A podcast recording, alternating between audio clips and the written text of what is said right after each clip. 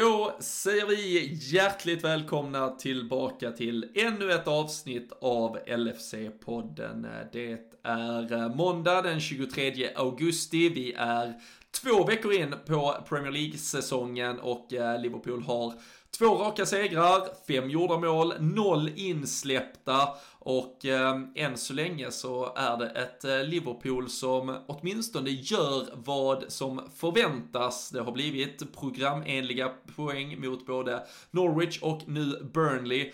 Men eh, vi ska väl ta ner och diskutera kring hur eh, väl den här insatsen eh, står sig och eh, såklart ta eh, sikte framåt mot eh, stormötet mot Chelsea som väntar här till helgen. Eh, jag ska i vanlig ordning inte göra det ensam. Eh, jag har Daniel Forsell med mig på tråden. Men framförallt så ska vi börja med att tacka och uppmärksamma LFC.se. Det är ju på den svenska supporterklubbens sajt som ni hittar allt det senaste, får löpande uppdateringar och eh, nu går vi ju in i sista veckan av transferfönstret. Vi kommer såklart idag nämna Sharan Shakiri som nu är klar för Lyon, men också en Ben Woodburn som drar till Hearts på lån. Men allt det här har ju den som besöker LFC.se såklart redan läst allt om. Så ska man hålla sig uppdaterad löpande så är det supporterklubbens hemsida som gäller och eh, vi uppmanar såklart alla där hemma att eh, teckna ett medlemskap, bli en del av den stora röda familjen och eh, jag måste ju säga det var fantastiskt kul att se vissa bekanta ansikten faktiskt på plats på Anfield nu i helgen. Eh, det är fortfarande såklart tider som gör det svårt att få ihop den logistiken för många, men vi vet att eh, at the end of the storm väntar något annat och eh, som medlem i supporterklubben så kommer man såklart med tiden att eh, kunna få möjligheter, eh, åka på supporterresor och annat kul. Så är man inte redan medlem i supporterklubben, bli det och är man inte en frekvent besökare av LFC.se så se till att bli det. Lägg den kanske som startsida eller bokmärk den så ni håller er uppdaterade. Men nu ska ni sätta er tillbaka och så ska vi snacka en timme Liverpool precis som vi gör varje vecka här i LFC-podden.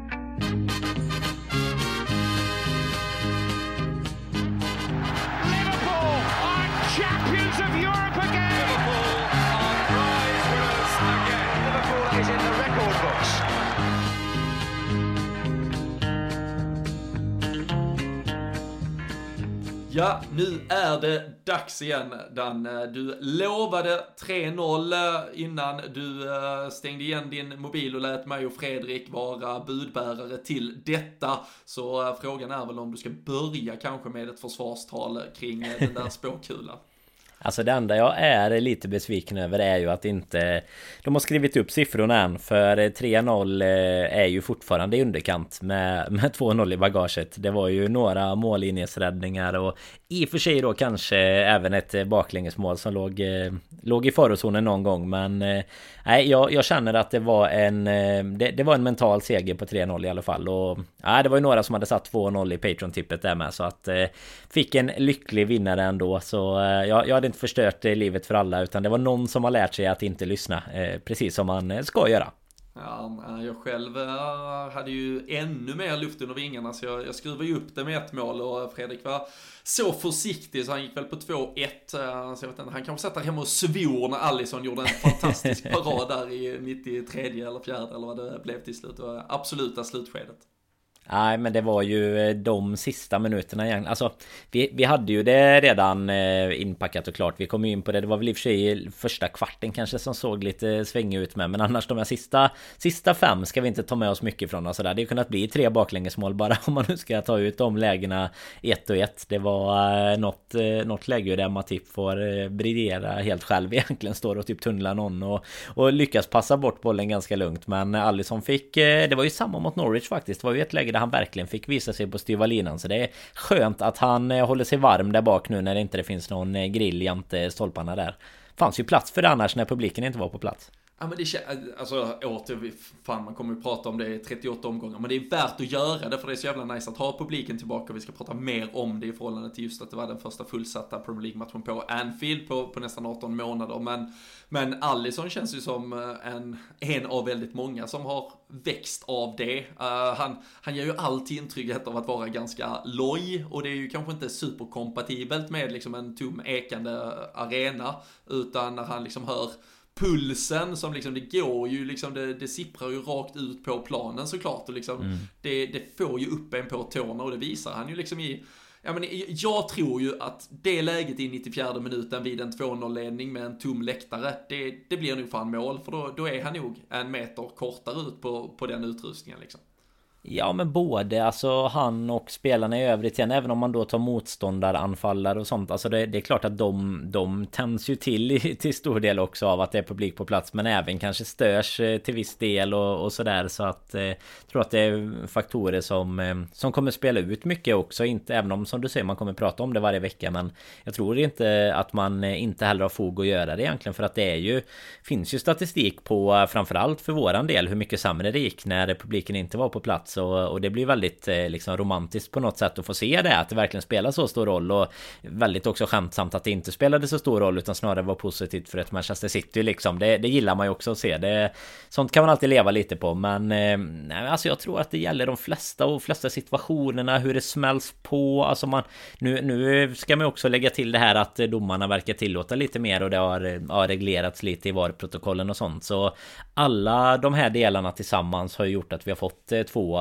inledande omgångar här som är liksom tillbaka till, eh, till grunden på något sätt. Alltså det är läktarljud, det är eh, ingen DJ som styr läktarljudet, det smäller på. Alltså nej, underbart att ha det tillbaka. Och till och med nästan så att man fick dra på smilbanden med, med Barnes där när han gör sin målgest mot The De Kopp liksom och ska vara lite kaxig och så. Så blev det en offside där ändå som var, var liksom mils lång och solklar. Men det är ju ändå något man märker att även sådana gubbar de tänder ju till av att ha bortafansen mot sig lika mycket som Som kanske Allison då tänds till av att ha, ha de eh, hemmafansen för sig egentligen Ja, men så, så var det ju absolut. Vi, vi får väl ändå börja med att prata kring det, det faktum att eh, det var den första då eh, helt fyllda Anfield-matchen. Sedan var det Bournemouth tror jag hemma som var den sista ligamatchen. Sen var det ju den här Atletico mm. Madrid-kvällen som blev ja, men så förödande på så många sätt och liksom en sån eh, missräkning och en sån trött, tragisk kväll på alla sätt och vis egentligen. Men eh, nu eh, fick vi ju liksom, eh, det, vi vet, det är en 12.30 kickoff i, i England. Vi vet att det har varit mycket biljettproblematik och klubben uppmanade fans att vara på plats redan vid 10, 10.30. Körde väl någon liten raid på lite billigare öl inne på arenan för att man skulle kunna gå dit i lugn och ro. Det togs ju inte jättepopulärt emot av lokala supportrar som menar att man såklart ska gynna alla pubbar som inte har haft liksom supportrarna på plats på, på ett och ett halvt år. Det kan man ju verkligen köpa och jag ska inte gå in i eh, exakt mina tankar och tycken kring eh, hur eh, Liverpools ledning sköter sig just sådana frågor.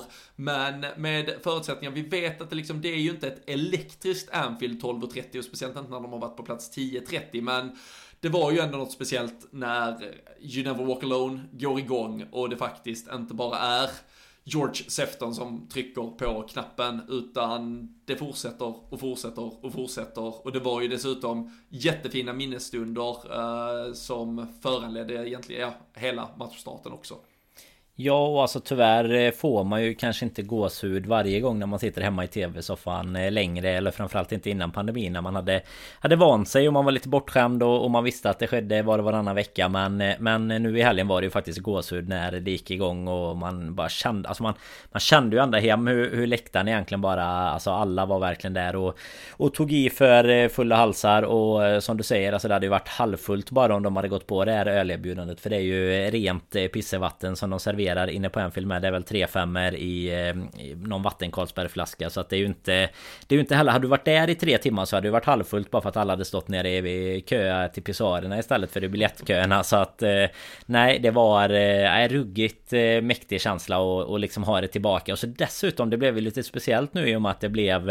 I och med att de gick in först Burnley så, så blev det ju faktiskt till och med lite inmarschlåt av You Never Walk Alone. Spelarna fick ju gå in till det och det måste ju varit... Eh, alltså om man inte var 100% laddad innan. Det var, ser jag i och för sig inte att någon, någon inte var men eh, man, man, blev nog 110% laddad när man liksom dessutom går in till You Never Walk Alone och liksom ja, men bara ser alltihop. Man hör sångerna. Det är helt sjukt. Flaggorna vajar. Alltså allt, allt stod i, i senit eller vad brukar man säga i ett sånt läge egentligen.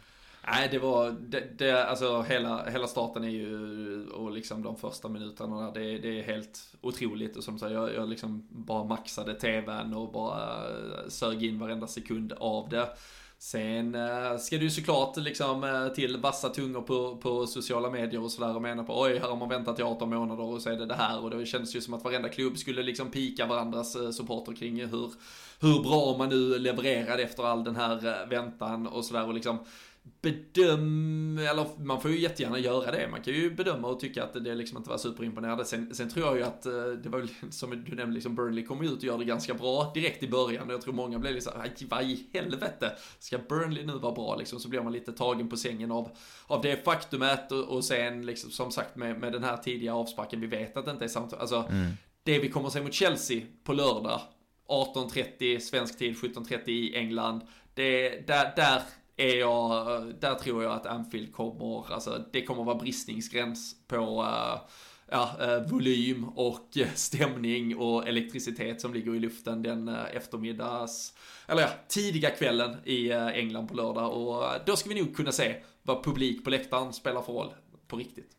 Ja men det tror jag med och det, det har det ju varit det. Alltså stormatch är ju stormatch dessutom. Jag tror att man inte... Alltså det är ju en sak såklart att man är tillbaka för första gången på så länge. Men det, det kan ju låta jävligt... Jag, jag, vet inte vad, vad man kan ha för motsvarande ord i fotbollssammanhang. Men om man, om man ska säga någon så här översittarattityd. Att vi sitter där och säger att så här lunchmatcherna, man vet ju det. Men, men det är ju så att har man, har man koll på hur det brukar vara på läktaren och sånt. Så vet man ju att lunchmatchen är... Det är alltid mycket sämre stämning. Alltså folk är ju inte Dels hinner man ju inte ladda upp på puben liksom. Man, man har ju inte fått igång hela gunget och det här och Det är som, eh, som Klopp har varit inne på någon gång också när han har eh, liksom snackat inför matchen att nu Nu behöver vi verkligen stödet trots att det är den tidiga matchen och sådär och, eh, och jag menar det, det ligger ju någonting i det där och då dessutom då mot Burnley som du säger som det, det kanske inte är den liksom allra hetaste matchen på förhand heller. Och sen tror jag också att det, det ligger någonting i det här att de kom ju fasen ut och ställde sig liksom och pressa högt. Alltså stod ju utanför våra straffområden när vi hade inspark typ. Jag menar det är ju Burnley vi snackar om. De ska ju stå på egen planhalva och vi ska ju liksom föra boll och jag kommer nog ut och chocka, chocka publiken lite med och sen eh, Alltså ja, det är ju vad det är på de här arenorna idag. Jag menar det, det blir ett, ett antal matcher under säsongen där du liksom från tv-håll kommer verkligen märka av det. Sen tycker jag att det är lite orättvist sådär och, och sitta och analysera det från en typ via playsändning också. För jag menar kommentatorer som inte är på plats till exempel och då har du en Ja men du vet det här med ljud och sånt. Du har ju någon eh, Det, det ligger ju på någon annan lina liksom med kommentatorsljud och sånt. Så att det, det krävs nog nästan att man är på plats för att säga om, om det var så jäkla illa Eh, eller inte men eh, tror ändå att du är inne på rätt spår att vi får säkert se något annat nu på lördag mot, eh, mot Chelsea men det är väl andra faktorer både matchstart och, och motstånd och sånt som är inblandade där skulle jag tro. Så är det sannoliken och eh, en som eh, fick gå in till eh, tonerna där av You Never Walk Alone och som kanske fick uppleva en av sina häftigaste dagar som fotbollsspelare. Det var ju trots allt eh, Harvey Elliott eh, som eh, jag lyfte fram i, i förra veckan att jag gärna ville se i startelvan. Klopp var som han brukar inne och tjuvlyssnade och det blev rakt in i laget för 18-åringen. Oxlade var inte med, han passar ju på att bli pappa istället så vi kan ju gratulera honom. Fabinho missade ju och fick ledigt på grund av då desto mer tragiska omständigheter. Hans pappa gick ju dessvärre bort eh, istället i slutet av förra veckan och sen James Milner missar ju matchen med någon mindre skavank. Eh, nu kan vi ju konstatera här med facit i hand också att Shadan Shakiri har ju lämnat för Lyon, klar nu, och Ben Woodburn, även om han kanske inte var något alternativ Danne, eh, har ju blivit klar för Heart. Vi kan väl återkomma till det om vi snackar lite silly längre fram, men det var en del bortfall på det där mittfältet. Men även om det eventuellt var det som till slut gav Harvey Elliot chansen så var det ju inte som någon 18-åring som var tvungen att spela för att inga andra alternativ fanns. Han gick ut på planen liksom med den auran utan han gick ut med några av världens bästa fotbollsspelare och så sa han, ja men ni kan ändå ge mig bollen så ofta som möjligt så sköter jag nog saken här och eh, det var eh, en debut, eh, om vi pratar åtminstone då i startsammanhang i Premier League som eh, som jag inte riktigt kan minnas mig tillbaka till att någon annan konkurrerar med på den unga nivån i en Liverpool-tröja. Nej men det är så jävla häftigt att se tycker jag hans liksom självförtroende i det här Alltså in, inte på något sätt heller att han Alltså utanför planen är liksom någon Alltså att det är någon diva på det sättet Utan han verkar ju vara Alltså lillgammal är väl fel att säga men det, det, blir ju det på något sätt. Han verkar ju ändå vara Han, är, han har ju varit eh, liksom Alltså talang och proffs eh, så pass länge att han har ju Har väl blivit lite inskolad i det här men alltså att eh, Att komma ut på Anfield som eh, Som liksom 18-åring och bara Som du säger egentligen visa hela tiden att ge mig bollen Alltså komma ner, hämta bollen, transportera och, eh, och göra det på det sättet han gör. Jag tycker också att någonting man, man verkligen måste lyfta utöver att han, att han gör det, allt det mesta jäkligt bra och tyvärr då inte fick eh, kröna det med en, en jätteläcker assist till Salah där. Men det är ju att han, alltså han misslyckas ju med vissa saker också. Men det är bara hela tiden nytt, alltså utmana igen, han utmana igen. Han, alltså, han, blir, han blir ju mördad av Burnley första kvarten ja, också. Alltså de har ju, Daesh har ju sett startelvan och säger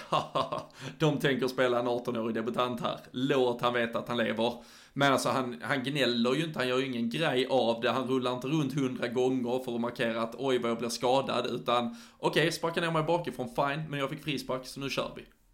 Ja men både det och tycker jag att han För han gör ju en del. Det är väl under matchen överlag Inte just i början kanske Men det är en del felpassar Men det är alltid Absolut. felpassar och sådär framåt. Alltså Där han försöker göra typ den avgörande passen. Och det är väl en sån sak som man kommer behöva Behöva lära sig också att det, det kommer man inte kunna göra varje gång. Men eh, Alltså det som man älskar att se i ett sånt läge Det är ju att du bara fortsätter Och till slut så kommer den sitta liksom. Alltså sen, någon, någon gång man tappar bollen lite enkelt sånt Men jag menar vad kan man förvänta sig? Alltså han kommer ju ut och Alltså jag tycker det är som du du var inne på innan, alltså nästan stand-out liksom i en, eh, i en debut från start om du jämför med hur kanske de flesta tänker att de borde spela en sån match. Då är du verkligen så här, spela enkelt, gör ingenting som kommer att sticka ut på något sätt eh, utan bara alltså nästan på det och ta dig igenom matchen är ju, är ju nästan många som tänker bara för att ja, man vill komma in i det och inte, inte göra bort sig ungefär. Men han, eh, han tänker ju tvärt tvärtom egentligen har väljat. Det är ju han, han skulle spela in sig i, i, tröjan. Och jag tror väl det lät ju lite på Klopp inför matchen som att det nästan var på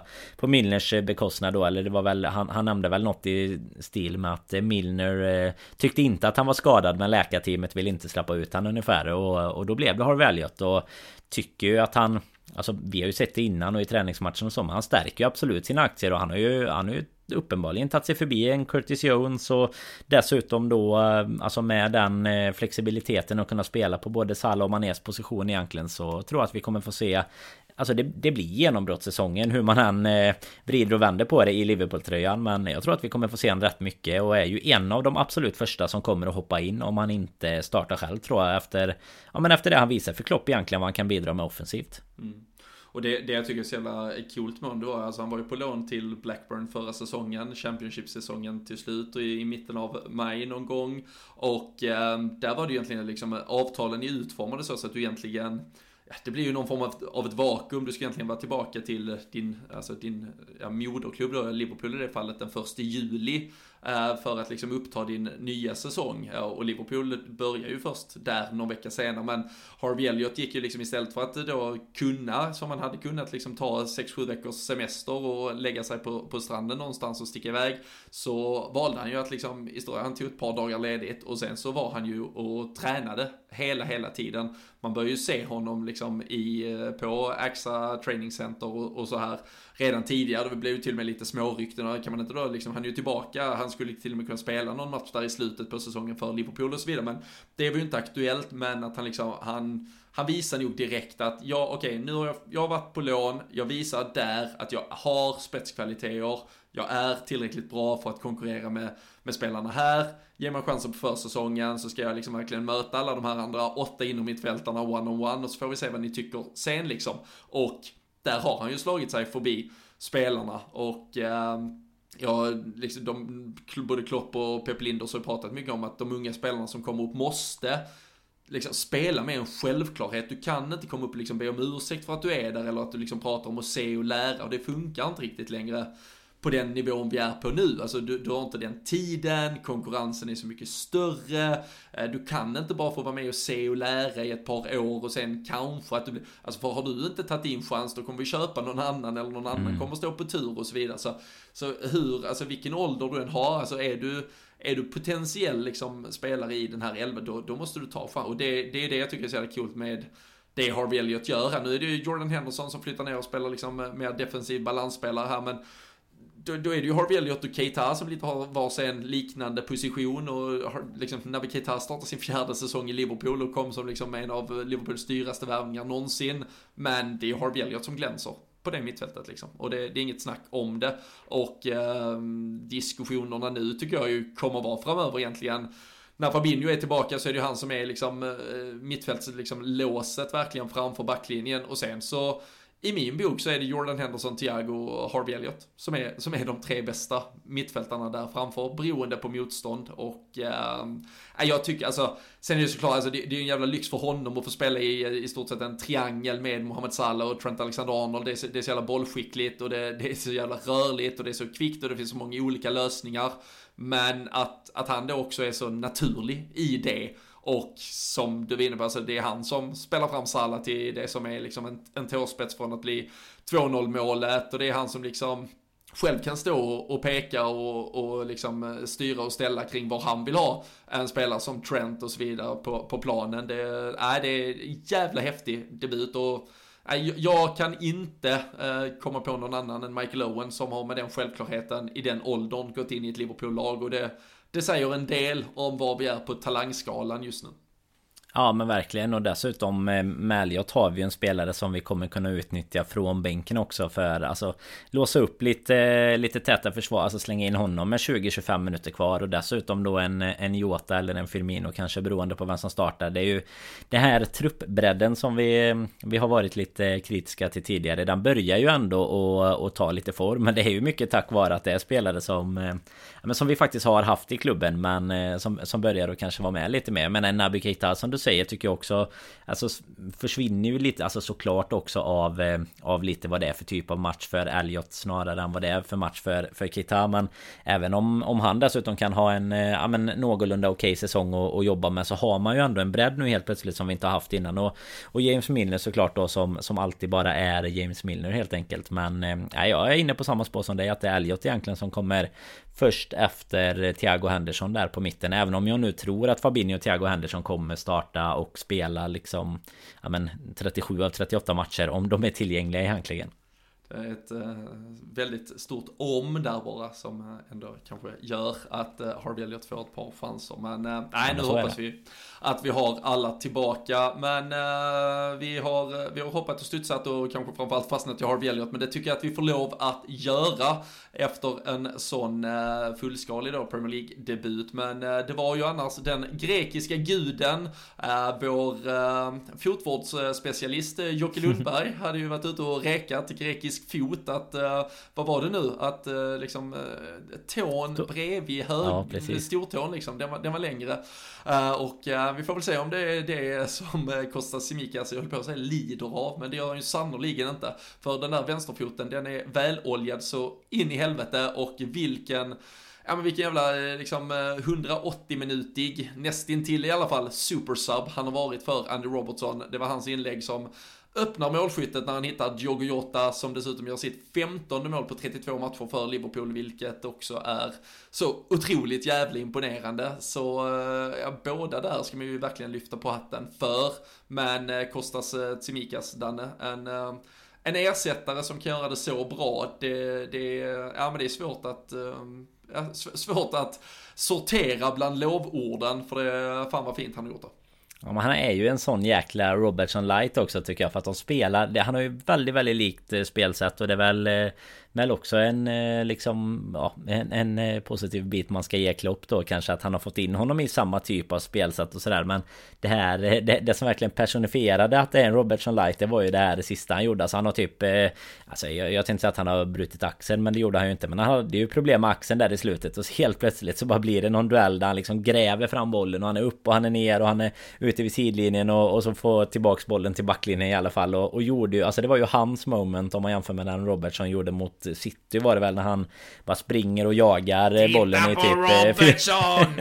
exakt, fan fick vi Holmgren med i podden också, det var inte dåligt. Det löste vi in där. Men nej men exakt den alltså jämförelsen där med att det, det blir ju Alltså det blir så jäkla eh, gött med... Det, den händer ju inte heller såklart om det inte är publik på plats. Det, det kan man verkligen känna. Det är ju någonting som man, man får extra energi av när publiken verkligen älskar en för det man gör i ett sånt läge. Men han har ju verkligen kommit in och gjort... Alltså för förra säsongen undrade man ju vad hans problem var liksom. Alltså Robertson kunde ju vara typ eh, alltså halvskadad och ändå så skulle han spela oavsett vad. Och eh, det är väl, där har ju han verkligen stärkt sin position. För jag menar nu, nu är det ju ändå så att en Semikas är ju bättre än vad en Alltså andra halvan av säsongen Robertson eh, hade varit eh, egentligen. Alltså om man nu hade kunnat varva dem lite och, och där har han nog ändå stärkt sin position. Nu är han ju Ja men solklar där egentligen. Sen vet jag faktiskt inte om man kan eh, Ja, alltså Robertson eh, brukar man alltid säga är garanten för spel. Nu är det just en skada som hållit honom borta såklart. Men eh, han, han kommer väl inte utmana om positionen direkt här till en början. Men eh, det... Nej, han, han är nära bakom. Och på tal om trupprädden så är det också en som har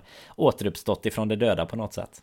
Ja, och du, alltså oavsett hur många Premier League-minuter det blir från här och, och in i mål liksom, så dels har han ju fullfört sitt uppdrag med mm. den äran och sen så kommer han ju liksom, kan, man kan väl vara rätt så säker på att han spelar liksom varenda eh, ligacupmatch, varenda eh, FA-cupmatch och jag skulle ju kunna lätt se han spela åtminstone två av fyra gruppspelsmatcher i Champions, eller två av sex gruppspelsmatcher i Champions League och så vidare. Och nu, han är ju liksom, nu, nu är han Premier League-proven och eh, direkt som sagt, det, det eventuellt behövs för att också kanske vila Robertson i en, eh, i en ligamatch eh, om du, om du har en på pappret överkomlig match i förhållande till en Champions League-match som sen väntar och så vidare. Så, så vet vi att det, det kommer gå. Och bara det är ju såklart jätte, alltså det är ju en trygghet mm. som, som både Klopp och, och hela laget har nu och alla spelare som har spelat med honom. Och jag, ju, man, man får ju verkligen respektera att, att spela in en ytterback förra säsongen i den mittbackskris vi hade. Det, det hade ju inte varit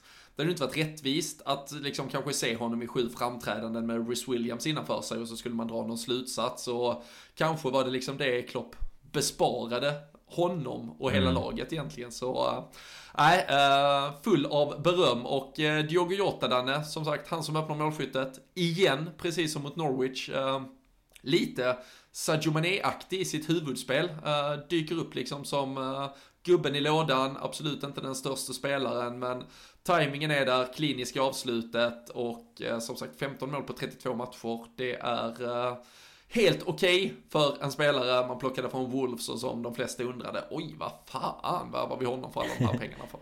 Ja men verkligen, alltså målsnittet talar ju sin... Eh, det, den statistiken talar ju sitt tydliga språk liksom. Men jag tycker framförallt att man är imponerad av... Alltså den, det är en så jäkla underskattad egenskap han har egentligen. För han är precis som du är inne på, han är absolut inte den största spelaren. Men han, det är ju inte bara vid målet utan han vinner ju nickdueller i liksom... Ja men typ såhär 7, 8 av 10 av dem han är uppe i. För han har en sån extremt bra timing Och just målet handlar ju... Alltså det, det handlar ju inte kanske bara om eh, att du är, är bra på huvudet. Utan det handlar ju också om hur, hur duktig du är på att löpa och eh, alltså hitta positionen egentligen. För jag menar han är ju ensam med tre backar inne i, i straffområdet och då är det ju alltså vi, vi snackar ju Burnley-backar här så vi snackar ju säkert eh, 450 pannor eller något över de, eh, över de tre Ben Mi och de här gubbarna av Tarkovsky och sådär. Men det är ju alltså det är en sån jäkla anfallsinstinkt på något sätt. Jag menar vi ser typ en Lukaku när vi fick se hans debut nu mot Arsenal. Alltså man ser de här anfallarna. Nu, nu kanske man inte ska jämföra Jota helt med, med de allra bästa än så länge. Men alltså han är är verkligen extremt skicklig på att hitta de här luckorna, hitta Alltså precis vart han ska vara i, eh, i boxen. Och sen är han ju också jäkligt duktig på det som jag tyckte att Harvey Elliot eh, stack ut med så. Alltså det här att bara föra boll, ta sig framåt egentligen. Så Alltså han, han är också verkligen en sån spelare som knackar på nu och, och vi har väl ett, eh, ett litet segment här senare när vi ska avgöra vem som Vem av han och Firmino som ska starta till helgen. Och jag menar det Det hade man ju Det var ganska solklart innan att det skulle varit Firmino. Sen en dålig säsong såklart förra året. Men Jota har ju verkligen Alltså han tar ju nya kliv hela tiden. Och Alltså just den eh, målstatistiken som du nämner med Det är ju egentligen helt eh, Alltså det är ju helt otroligt att han är Är typ en av de bästa om man ser till hur många minuter det, det, han ja, eh, tar på sig egentligen. Alltså 32 matcher Det är ju absolut inte 32-90 minuters matcher Nej, exakt. Så, så, så, har du liksom mål per minut så, så är det ju otroligt mycket bättre. Det, det, är bland de bästa starterna i Liverpools historia faktiskt. Så nej, stand out verkligen. Och Eh, han kan väl få fortsätta göra eh, första målet varje match det, det känns som det, då, då lär det gå helt okej okay den här säsongen. Om vi ja, gör 1-0 hela tiden. ja men det är också en, det är också så här eh, riktigt lyxproblem att ha att okej okay, ska vi starta med Jota eller ska vi starta med Firmino och sen är det alltid att du efter typ 60-70 kan välja och, och banka in den andra beroende på vilken matchbild du vill, vill arbeta med. För de två skiljer ju sig ändå ganska mycket i, i den rollen som de har längst fram och det är ju klart att eh, Jota blir, är ju mer en målskytt och mer en alltså ja, den typen av spets jämfört med där Firmino kanske hamnar lite bakom egentligen. Och, och ger Mané och Salah mer ytor. Men, eh, ja, men även om man tar Alltså de, de på, på sina kanter. Men jag tycker inte det märks att de eh, lider så mycket av att eh, Jota skulle ta någon plats där uppe heller. Så att nej det, det är väl verkligen ett skönt angenämt problem för Klopp att ha och, och behöva bestämma sig vem av dem som ska spela egentligen.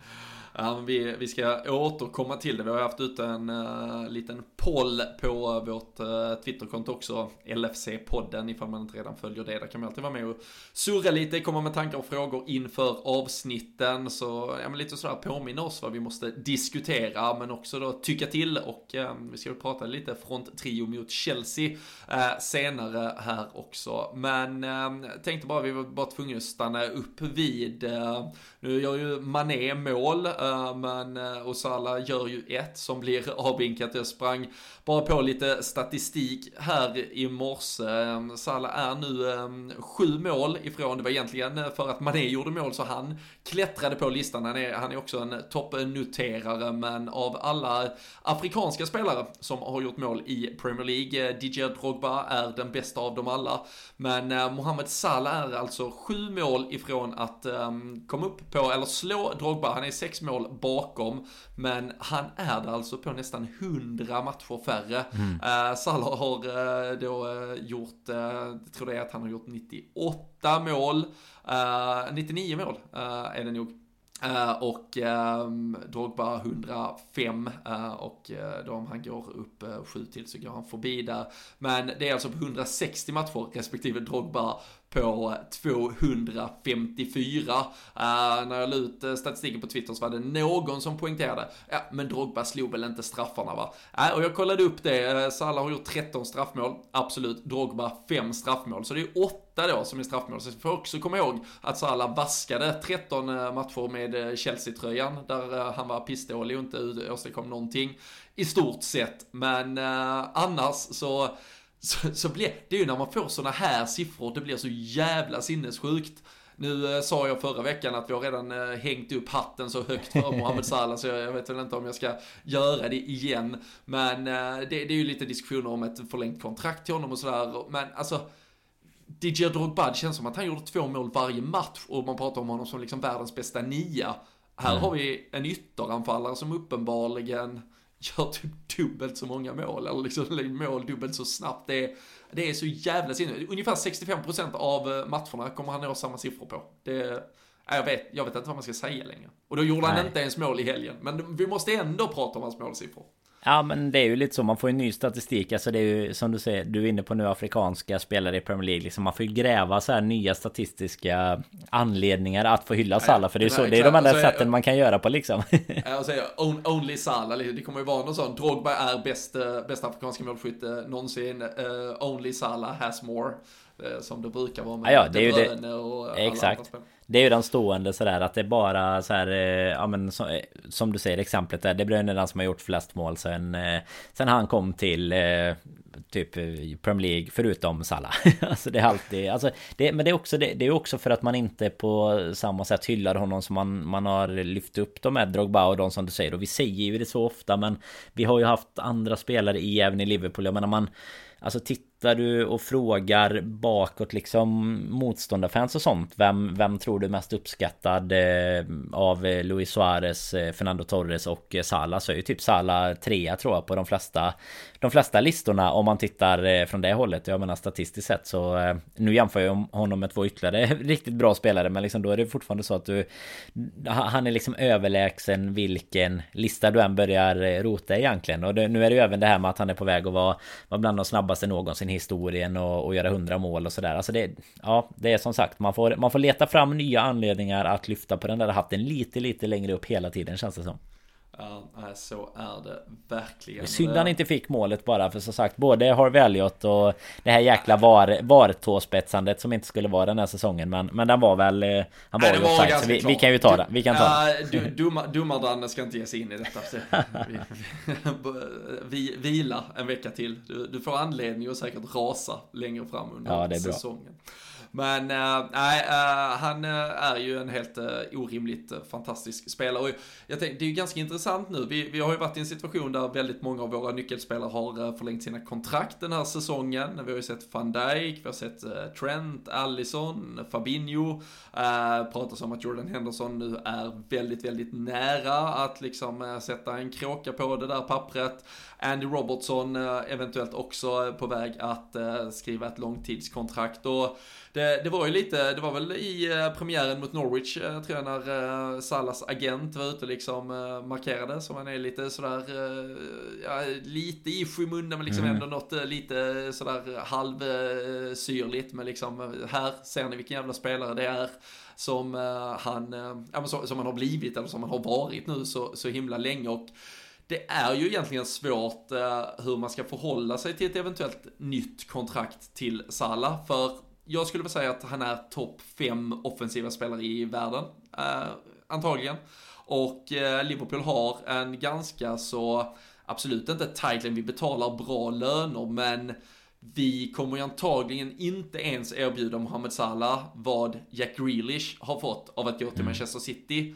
Och det, det kommer ju vara så. Hur tycker du man ska, alltså hur tycker du, jag, jag kan inte själv riktigt liksom bli klar i min skalle. Jag förstår att Klopps bygge bygger väldigt mycket på att det är en stor enhet och liksom alla är ja, liksom lika mycket värda och att det någonstans kanske avspeglas både i lönekuvertet som liksom i förtroendet på planen och vi litar på att alla ska göra ett jobb och så vidare. Men det blir ju svårt, nu räddas man väl kanske lite av att Barcelona, Real Madrid, de lagen inte har de pengarna. Vi kan nog nog konstatera att PSG inte har plats i sin trupp just nu. Men annars så känner man, alltså Mohamed Salah borde ju verkligen han borde ju verkligen vara ganska överlägset bäst betald, mm. kanske tillsammans med van Dijk. Men alltså den här typen av spel, men hur, hur fast, jag, det enda jag tänker lite det är att man först nu skriver kontrakt med alla andra, att alla är ganska nöjda och alla har ändå skrivit på 5-6 år. Och sen kan man ge ett riktigt jävla fett kontrakt till Mohamed Salah, för det, det är i alla fall det han förtjänar. Ja men det gör han ju men det är skitsvårt som du säger om man nu ska tänka Alltså, nu, jag vet inte alls hur, hur de eh, jämför och, och gör. Det är ändå så pass astronomiska summor på alla håll. Men jag menar, det, teoretiskt sett så borde han ju typ ha dubbla lönen än vad, vad många i, eh, i startelvan har liksom. Det är ju typ han och van Dijk som du säger baserat på ja, men vad de har gjort egentligen. Aldrig till viss del, alltså hur viktig man är på sin position och, och så vidare. Men Samtidigt, man, man, känner ju bara som någon, som någon sån här svensk jante gruppdynamiksgubbe så känner man ju bara att nej, men det kan ju inte vara bra att han har dubbelt så mycket som, som de han ska spela bredvid till exempel. Och man har ju blivit förvånad när typ Trump skrev på nytt nu hur, hur dåligt inom citationstecken då eh, om man, om man jämför med de flesta, men hur dåligt betalt i fotbollsvärlden han och, hade. Om man liksom jämför i förhållande till mäklare i Borås så är det ju lite halvsnyggt. Ja, då är, man, då, då är det ju Salla, då är det Salla-nivån som, eh, som man är uppe och jobbar på. Nej, men alltså det, eller i alla fall, jag, jag sätter mig i samma samma fack som Salah. Man borde ligga dubbelt så bra som alla andra. Men, men man kanske inte... Man kan inte göra det med hänsyn till... Eh, till äh, vad, hur, hur Jante är uppbyggt helt enkelt. Ja, ja. Nej, men, nej men det som är inne på det. Alltså jag vet inte hur mycket det spelar roll egentligen. Men jag, lite som du är inne på så är det svårt att så sätta vad man själv tycker heller. För att jag tror ju såklart att det säkert spelar roll. Men sen alltså tittar du på... Man, man förstår ju då också varför... Eh, typ nu tror jag inte att en Salah hade gått till Manchester City bara för att han fick lite mer pengar. Men alltså... Det är ju väldigt många eh, dussinspelare i vissa lag som tjänar väldigt mycket mer än de som är, är väldigt bra i andra lag. Och nu är ju vi ändå på, på toppen liksom. Så vi kan ändå jämföra oss med, alltså inte lönemässigt med PSG och City och dem, jag menar spelarmässigt. Men tar du även, alltså ett snäpp nedanför så kan du dominera i ett eh, i ett Everton eller någonting och ändå vara liksom alltså så extremt extremt mycket sämre betalda än någon som är, är tredje liksom ytterback i, i ett Manchester City eller någonting. Jag menar ja, John jag läste... Stones skrev något nytt kontrakt på så här 3 ja. miljoner i veckan eller något, alltså två. Det var helt så här man, man, bara kände att han hade typ gått in och varit en av de bäst betalda i Liverpool och ska utan spela knappt om, om alla är friska där. Alltså det det är ju inte, ja, ja, det här med financial fair play och sånt. Det, det blir väl som eh, ni pratade om förra veckan. Det blir väl lyxskattalternativet sen. Och så får alla bara göra som de vill. För det, det krävs ju någon sorts eh, reglering för att det liksom ska kunna jämna ut sig på något sätt känns det som.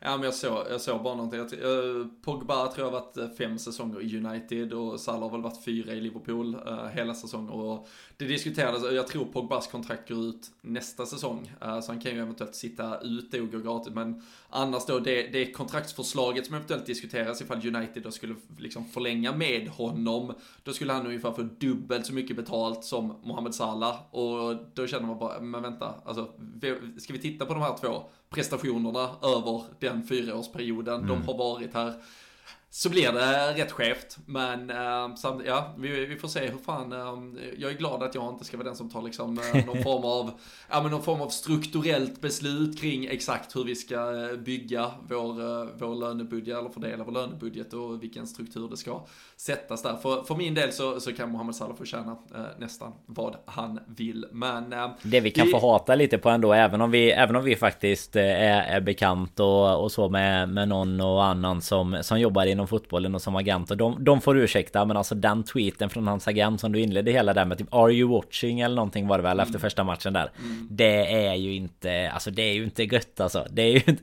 Man blir inte Man blir inte så här man, man känner ju inte för många av de här agenterna alltså det, Han ska dra in eh, Ja men X antal miljarders miljarder på ett Salah-kontrakt för allt som Salah gör och så sitter han liksom där och twittrar bara Are you watching? Alltså fy fan Det nej, där är nej, äckligt absolut. alltså sen, sen tycker jag till, till, hans eventuella försvar, eller i alla fall som någon form av motvikt, så har han ju faktiskt varit ganska tydlig med liksom att ja, men också lyfta liksom Salah och Liverpools relation tidigare och, och vad som verkligen är viktigt för Salah och det brukar i slutändan vara viktigt för, för klubben och så vidare. Så jag, jag vet ja, Sen tillhör väl det hans jobb ja, såklart att sitta där och, och jobba exakt. upp så hårt. Alltså transfervärde och kontraktsvärde, det är ju det såklart som, eh, som de behöver ju, lyfta upp. Ja, och det kontraktet Salah skriver nu, oavsett om det är med Liverpool eller någon annanstans, eh, gud förbjude, så, så är det ju liksom det sista feta kontraktet. Mm. Så det ska ju vara fem år nu liksom med ruskigt bra pröjs på pappret. Så Nej, eh, vi får återkomma och se vad det blir av det. Vi kan väl bara konstatera snabbt också att eh, Sadio Mané gjorde mål. Det satt vi och efterlyste förra veckan.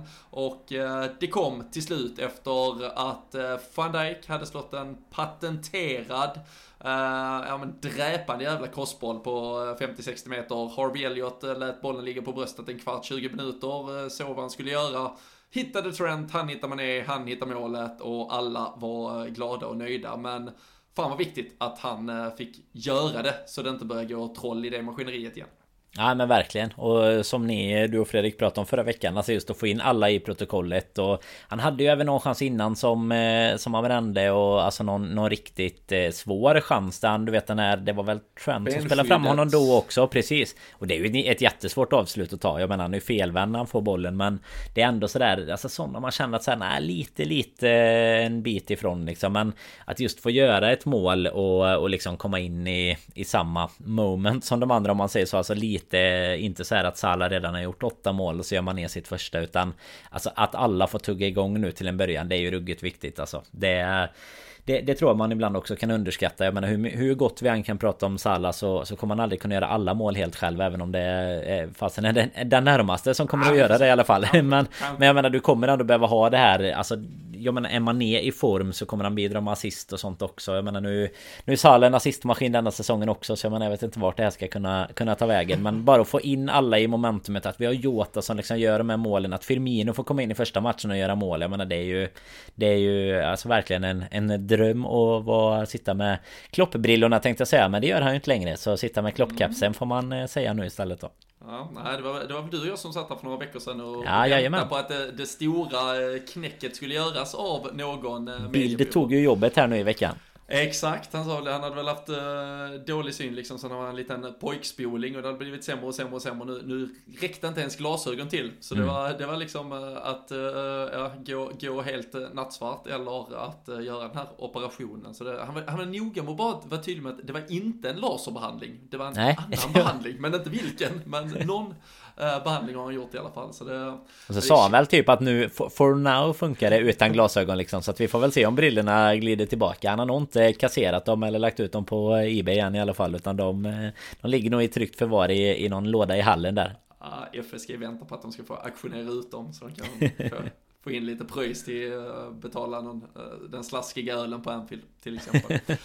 Men eh, nej, äh, vi eh, får väl också bara stanna vid, som sagt, vi nämnde van Dijks crossboll och bara det är ju ett ett, äh, ett offensivt hot i sig, hans äh, spelfördelning och... Äh, alltså som man både... efterlyste den förra säsongen, jag måste bara avbryta det där. Ja, alltså... Tänk hur många gånger man satt och nej, bara... Tänk, tänk när vi hade en mittback som kunde slå en sån boll som bara liksom... Ja men ställer en backlinje typ, för hela backlinjen måste förflytta sig i sidled. Någon tappar markering på manér, Trent kan liksom göra en sån liten flick fram och så är det ett mål. Jag men menar, har du Nat Phillips där, då blir det inte så då. Det är helt omöjligt. Hur mycket han än kan, kan bronka och stånkenicka liksom, så kommer det inte att bli den typen av lägen alltså. Nej men det var, jag vet, det var ju två, tre matcher i liksom slutet där på vintern och det var, det var vi, varenda spelare skadade sig till höger och vänster och så till slut när vi provade Jordan Henderson där så kände man, fan då fick vi i alla fall den där spelfördelningen och sen tog det ju bara ett andetag till men då blev han ju liksom bortbullied av eh, någon eh, liksom stark anfallare istället för han klarar ju inte av det spelet riktigt men då, då kände man, fan han har ju fötterna i alla fall, vi, vi är ju mm. så bra av att ha de fötterna. Och alltså att nu ha van Dijk kommer att... alltså vi får in det spel, vi får in kortpassningsspelet och, och den säkerheten som du uppenbarligen har gett Allison och att ha dem tillbaka där. Vi får in liksom det, det, här offensiva hotet, vi får in offensiva hotet på hörnor, alltså det skulle inte förvåna mig om det första målet kommer redan mot Chelsea till helgen. Och det ligger i alla fall i luften att antingen van Dijk eller Matip nickar in en boll här snart. Och dessutom då bara, alltså vad Burnley än, försökte de ju spela lite fotboll faktiskt första kvarten och det, det var väl egentligen det som chockade oss och kanske mm. gjorde att vi höll på att bli lite överraskade. Men när de väl, liksom vi kom rätt i pressspelet och de kanske blev lite mer desperata och var tvungna att lyfta den lite längre bollen i ett lite tidigare skede.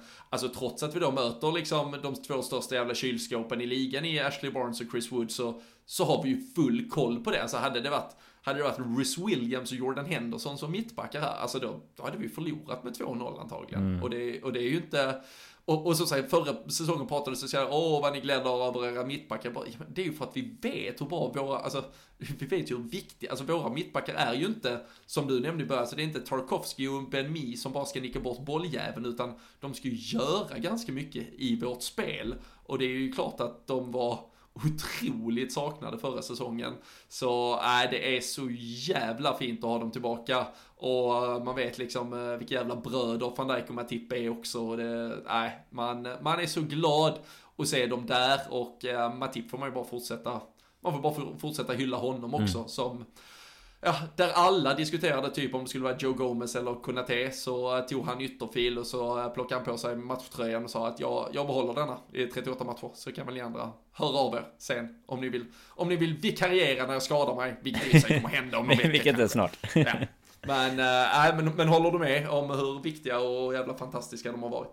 Jo men man vill nästan eh, Nästan påsätta på sig den här eh, översittartröjan igen på När jag pratade om de här lunchkickofferna Men det är ju lite samma sak där att har man tittat på matcherna och, och följt Liverpool och, och, kanske följt Premier League i, i allmänhet Så vet man ju hur extremt viktigt det har varit för vårt system Att även ha spelande mittbackar. Inte bara som du är inne på Sådana som ska, ska rensa bort bollar egentligen Utan det har ju varit en Alltså fundamental eh, viktig del av hela Klopps spelsystem Som också har byggt på ytterbackarna givetvis till väldigt stor del Men även där att Att man kan bryta mönster med en långboll till exempel. Och, och, det finns ju olika typer av långbollar. Alltså Nu låter det som att man ska på något sätt glorifiera det Men det är klart att det Det är klart att det är finare bollar i ett eh, En finare långboll från en van Dijk än, än i ett Roy Hodgson-lag liksom. Där handlar det mer om att rensa än att, än att lägga långbollar. Och Jag vet inte hur många assist han gjorde. Alltså den man, man kommer på så här första spontana är ju mot Bayern München när man är gör mål. Alltså Där han lägger den verkligen på Alltså lägger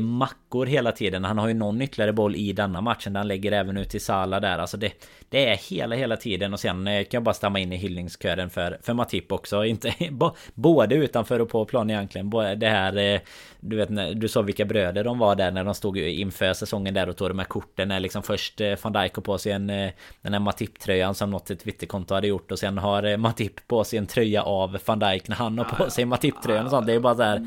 Alltså bara, bara hela... Det, det känns... Alltså vi har snackat om det här med atmosfären innan. Men det känns så jäkla gött i, i Liverpool. Och har gjort de senaste åren så sett men Känns som det är så jäkla bra stämning och, och att det även De tar ju med sig det ut på planen om det är två spelare som ja, men Som fungerar så bra ihop och jag tror säkert att det Såklart lyfter Allison väldigt mycket också att eh, Att det är lite tryggare att ha de två framför sig än eh, Än två andra pjäser om man säger så så eh, nej det, det är jätteviktigt för spelet både framåt och bakåt tycker jag Mm, nej, så är det verkligen. Men eh, en som eh, inte längre får vara en del av den här magiska stämningen, det är eh, Shadan Shakiri som eh, här under måndagen har blivit eh, officiellt presenterad av eh, Lyon, skriver ett kontrakt till 2024 där och eh, lämnar därmed Liverpool efter eh, tre säsonger. Det blev ett eh, Champions League-guld, ett Premier League-guld, det blev en Bicicleta mot Manchester United, det blev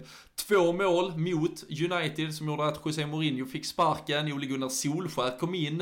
Eh, jag skrev på Twitter innan att hela ligan borde egentligen stå och applådera honom i helgen över att han har sett till, sett till så att det är Ole at the wheel där borta och eh, ja men vi alla minns väl såklart Eh, inlägget till Wijnaldum i eh, Champions League, eh, semifinalen mot Barcelona, hans frispark till Origi på St. James' Park, den där nervkittlande guldvåren som slutar i silvertårar.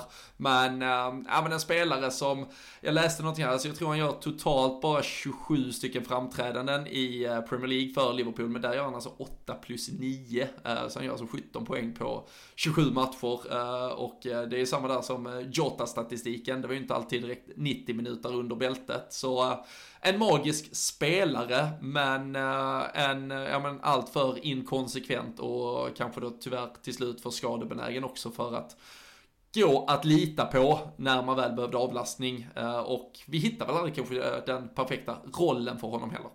Nej men alltså han kommer ju komma ihåg Alltså man kommer ju ha honom i samma fack som Som flera andra från de här säsongerna Som liksom var en del av de extremt framgångsrika trupperna Men inte Men som inte var, var de tongivande om man säger så. Men eh, Shakiri har ju som de du Du räknar upp där Så har han ju ganska många tillfällen också Som eh, Där han liksom för evigt är inskriven i historieböckerna. Så Tror att det är en eh, win-win för Nej men både honom och klubben egentligen. Och, och jag menar han framförallt kanske för honom Hans del att få en mer tongivande roll förhoppningsvis då hålla sig lite mer skadefri och, och lite längre upp i, i från frysboxen och um, inte ligga den här bland kyrklamparna helt enkelt utan eh, kunna vara på plan. Och jag menar han, han har ju mycket fotboll i sig det visste vi ju när han kom också och det var ju en så här en chansning som eller chansning men alltså det var, det var ju en Det fanns ju ingen risk i den övergången för han värvades ju verkligen Som typ det han har gjort nu egentligen. Det var ju ingen spelare som skulle spela i I startelvan 38 matcher och, och kom till, ja, till ett rätt billigt pris och sådär. Så att eh,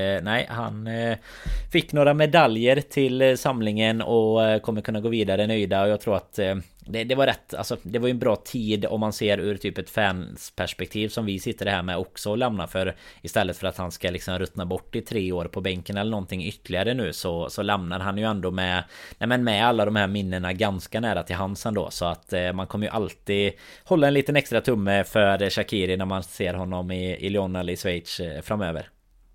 Ja, men så är det verkligen. Och eh, ja, men vi önskar honom all lycka till där. Och som vi konstaterade inledningsvis så kommer även eh, Ben Woodburn, den evige talangen, uh, mittfältsmotorn, som bara är fyra år äldre då än Harvey Elliott, men som ändå spås en stark utveckling och framväxt längre fram. Han går till trötta jävla skotska ligan, Hearts, och um, det, alltså vad var det här nu på de sista träningsmatcherna när det började pratades om att han skulle vara något alternativ igen? Alltså, herregud vad det gäspades när det började pratades om Ben Woodburn igen. Det där.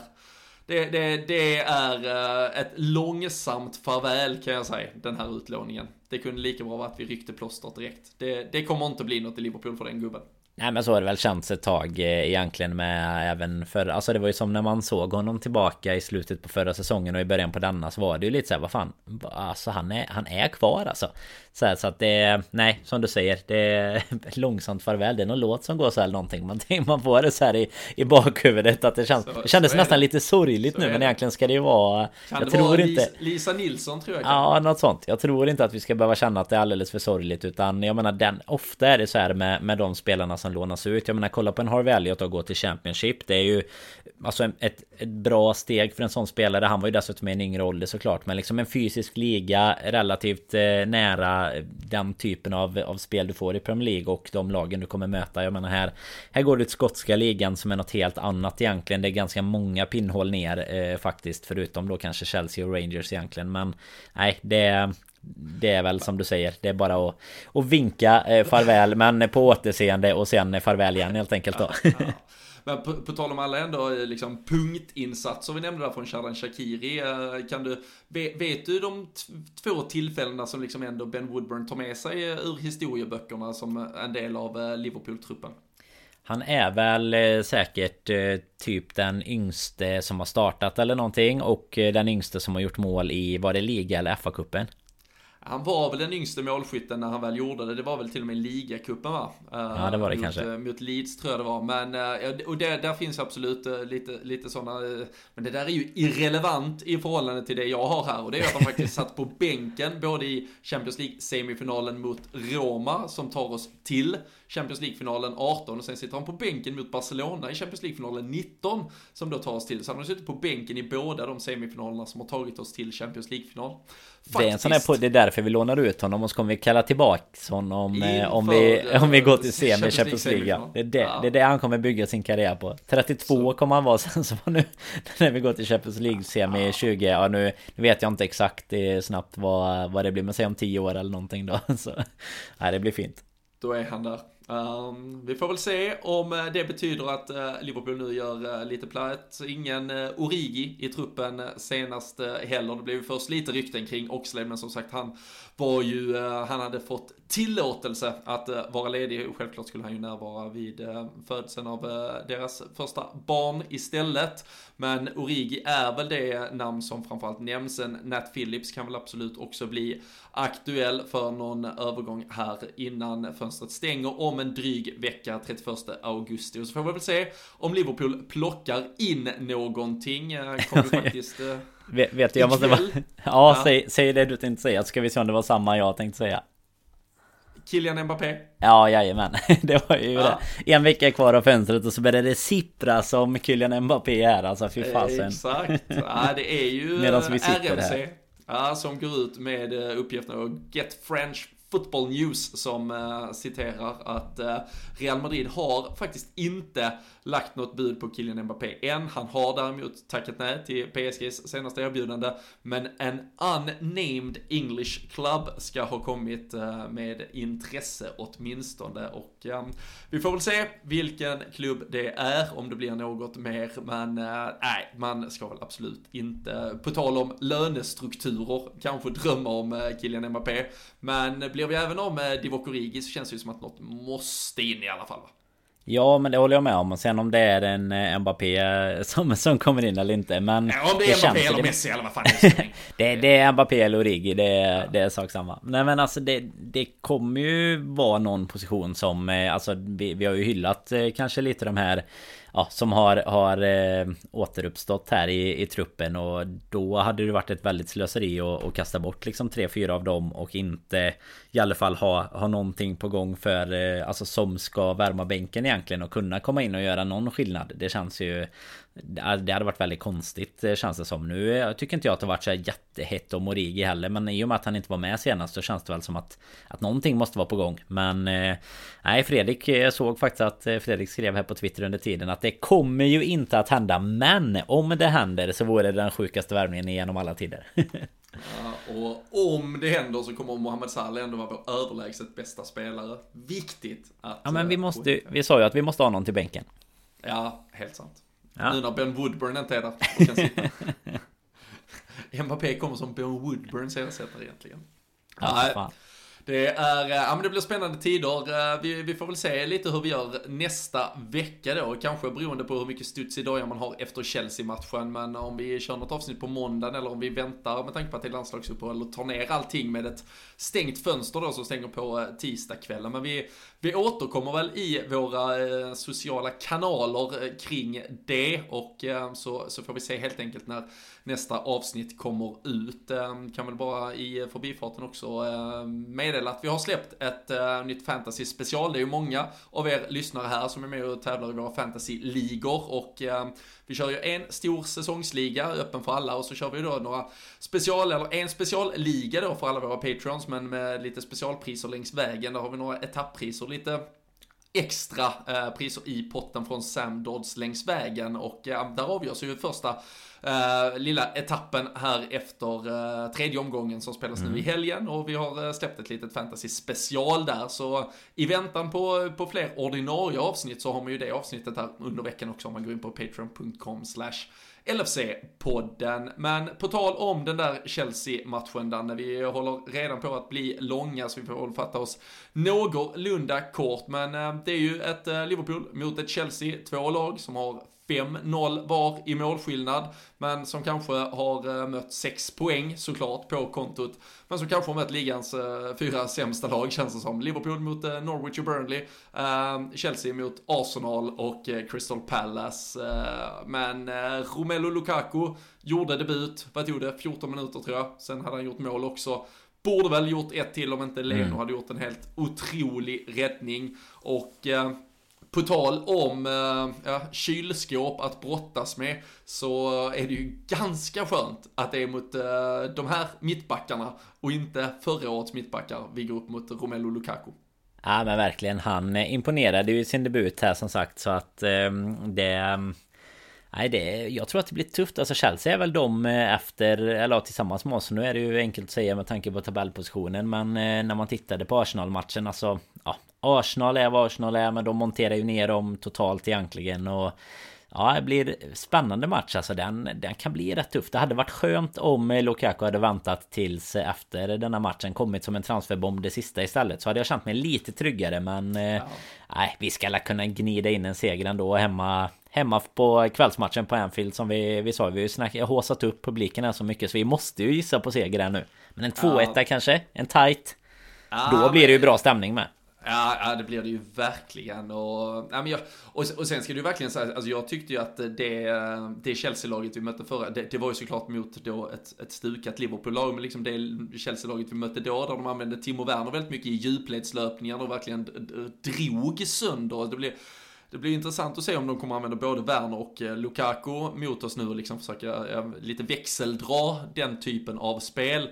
Uh, för det, det, var väldigt uh, liksom centrerat kring Lukaku mot Arsenal senast. De gjorde ju det mm. väldigt, väldigt, det, där var det ju lite som att möta två stycken Rhys Williams i, i det mittlåset som Arsenal hade. Så de, de satte ju egentligen bara upp bollen på honom så kunde han ju välja i stort sett om man bara ville vända upp och skjuta eller om man ville passa ut den på Exakt. kanten och sen få tillbaka den. Så jag, jag utgår ifrån att vi kommer göra det mycket bättre och framförallt så hoppas jag verkligen att vi har Fabinho tillbaka för att liksom kunna falla ner i den fickan så att Lukaku inte i alla fall får spela targetspel så enkelt som han gjorde, framförallt här mot eh, Arsenal, utan visst, han kommer ju vara i boxen och han kommer få sina chanser och där gäller det att vi är på hugget och det gäller att van Dijk och Matip är så bra som de har varit, att Alisson verkligen äger det området. Och sen så vet vi att det här Chelsea-laget inte släpper in särskilt mycket mål. Så vi måste ju också ha liksom eh, edgen när eh, vi väl närmar oss eh, straffområdet. Och där känns det ju jävligt bra som jag varit inne på att alla eh, de fyra alternativen till de tre anfallsplatserna redan har gjort mål. Och eh, vi slängde ut frågan på Twitter inför här eh, vilka man trodde eller tyckte skulle starta och då är det ändå klar, eh, vad säger man, klar med en knapp fördel för Mané, Jota och eh, Salah, det vi har sett de två senaste matcherna. Sen är alternativet med eh, Firmino istället för Jota.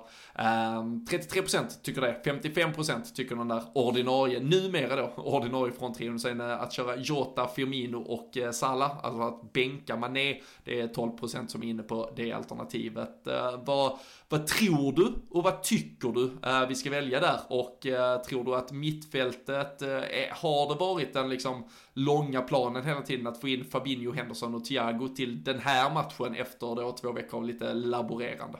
Ja, mittfältet tror jag är exakt så. Thiago var ju ändå med och hoppa in det sista sist där också. Så det, det tror jag kommer vara de tre. Men den svåra frågan som du ställer där är ju skillnaden på vad man tycker och tror eh, egentligen. För alltså jag, jag vet nästan inte vad jag tror. Det är ju, det är ju värre när man... Eh, det har nästan varit bättre att inte veta vad man tycker. Men, men jag tror, om jag ska säga något då, att eh, Klopp kommer vilja få in en Firmino. Men samtidigt då som Jota har gjort sina två mål, vilket ju gör att jag tycker och jag kanske tror då att Klopp tycker att eh, att man inte ska ändra på det. Att han ändå att han får 55-60 minuter först och gör en ändring. Liksom i, i, så fall om det skulle behövas. Men eh, jag får väl säga att jag tror på Firmino och tycker Jota då. Om, eh, om det finns någon eh, logik i det. Det gör det väl absolut. Jag, jag, jag köper det rakt av. Jag, eh, jag har hela tiden eh, tänkt att jag tror att det ska vara Firmino istället för Jota, men eh, Alltså samtidigt att, eh, att välja, alltså det är ju inte så att vi fallerar som lag för att, alltså det är inte så att vi spelar Jota istället för Firmino på bekostnad av att liksom hela laget i övrigt faller samman. Äh, sen vet vi såklart vilka styrkor Bobby har och det, det vi vet också att Klopp älskar och verkligen mm. uppskattar dem och framförallt i den här typen av matcher men Alltså en spelare som sagt som har varit liksom den som har öppnat målskyttet i första halvlek i två raka matcher när det har kanske stått och vägt lite jag vet fan om du, jag vet inte om du petar den typen av spelare. Uh, sen samtidigt... Nej, framförallt i ett sån här match när du har det tufft, alltså som du var inne på innan Chelsea är ju tuffa att göra mål på också. Mm. Ja, men verkligen. Och liksom det, det, du kommer bara ha två, tre chanser i boxen kanske och då, då gäller det att peta dit bolljäveln. Så uh, jag har mer och mer uh, liksom tippat över i att jag både tror och tycker att det ska vara Mané, Jota och eh, Salah. Men eh, ja, vi får eh, väl se vad Klopp väljer. Uh, vi utgår väl också från att Andy Robertson är tillbaka då. Uh, mm. Var ju på uh, bänken, visade sig vara redo senast och han lär väl då eh, tacka eh, Tsimikas, han kan sätta sig, käka en tzatziki och ha det gött på läktaren nu ett par eh, veckor eller månader kanske tills han behövs nästa gång. Eh, han har gjort det med den äran som sagt och eh, så får vi se vad vi kan åstadkomma mot Chelsea. Det var en, eh, ja men ett måls differens senast. Du sa 2-1 när du lekte med lite tankar här nyss. Är det det vi sätter på pränt också inför veckans tipstävling? Ja men det får vi göra. 2-1. 2-1 sitter stabilt. Och då utgår jag kallt från att det är Mohamed Salah som gör båda målen. Ja men det får vi väl eh, det, det, Alltså han är ju minst ett i alla fall Om vi inte ska ja. säga för mycket nu. Ja, Resten får ni fan göra själv där hemma. Ja vi exakt. Vi kan inte ge er kan allt. inte ge allt. Nej så är det. Vi, äh, jag, jag vågar inte ens säga något Den här matchen. Jag, jag, jag, jag låter Nej jag låter det vara osagt. Men jag tycker 2-1 låter jättebra. Om vi säger så här, jag hade tagit det på förhand Men, ja, det... Uh, nej fy fan. Men det, det, kom... är, det är en tuff match alltså. Jag tror att detta är en av de tuffare. Alltså det är City och så är det Chelsea som är med. United givetvis till viss del. Men nu har ju de, ja vi ser vad de gjorde i helgen. Jag tror fortfarande att det är ett mindre... Alltså Bygget är bra men eh, helheten i Chelsea är bättre med, med tyvärr måste man ju säga då Tuchel som man eh, älskar att avsky och Ja, nu med Lukaku in alltså så är det ett tufft lag. De, Ja, men de kommer vara med. Ja, och jag skulle liksom, det, alltså, så här, ja, men jag räds kanske City lite, lite mer marginellt mer nu egentligen bara, alltså över 38, men just att gå upp mot dem bara i den här, Mm. eh, alltså one-off liksom, alltså där, det är så här, visst, liksom sitter de kan ju rulla boll hur jävla bra som helst, men det, det finns ju inte så här en spelare jag är livrädd för, eller att jag känner att äh, det är omöjligt att göra mål på dem, men Fan Chelsea, de är svåra att göra mål på och där är en spelare i Lukaku jag fan är livrädd för. Jag är egentligen helt, alltså det har varit så jävla mycket Harry Kane-snack till City. Det är så jävla sjukt att City inte bara gick, alltså med tanke på att de har pengarna, Ja. att de inte bara gick för Lukaku. Alltså de hade ju, alltså de hade joggat hem liga och Champions League med Lukaku. Ja, ja. Det tror jag, alltså han är, nej fy fan. Ja men det är de saknar. Om inte det är Lukaku från United då. Det är det vi får hoppas på på lördag. Ja, vi håller tummarna för att Lukaku eh, packas ner i Joel Matips ficka och så eh, kan väl eh, van Dijk ta ett foto och trycka upp någon god ny t-shirt eh, till att fira därefter. Eh, Daniel Forsell tippar 2-1. Jag vågar inte, jag bara blundar och hoppas på det bästa.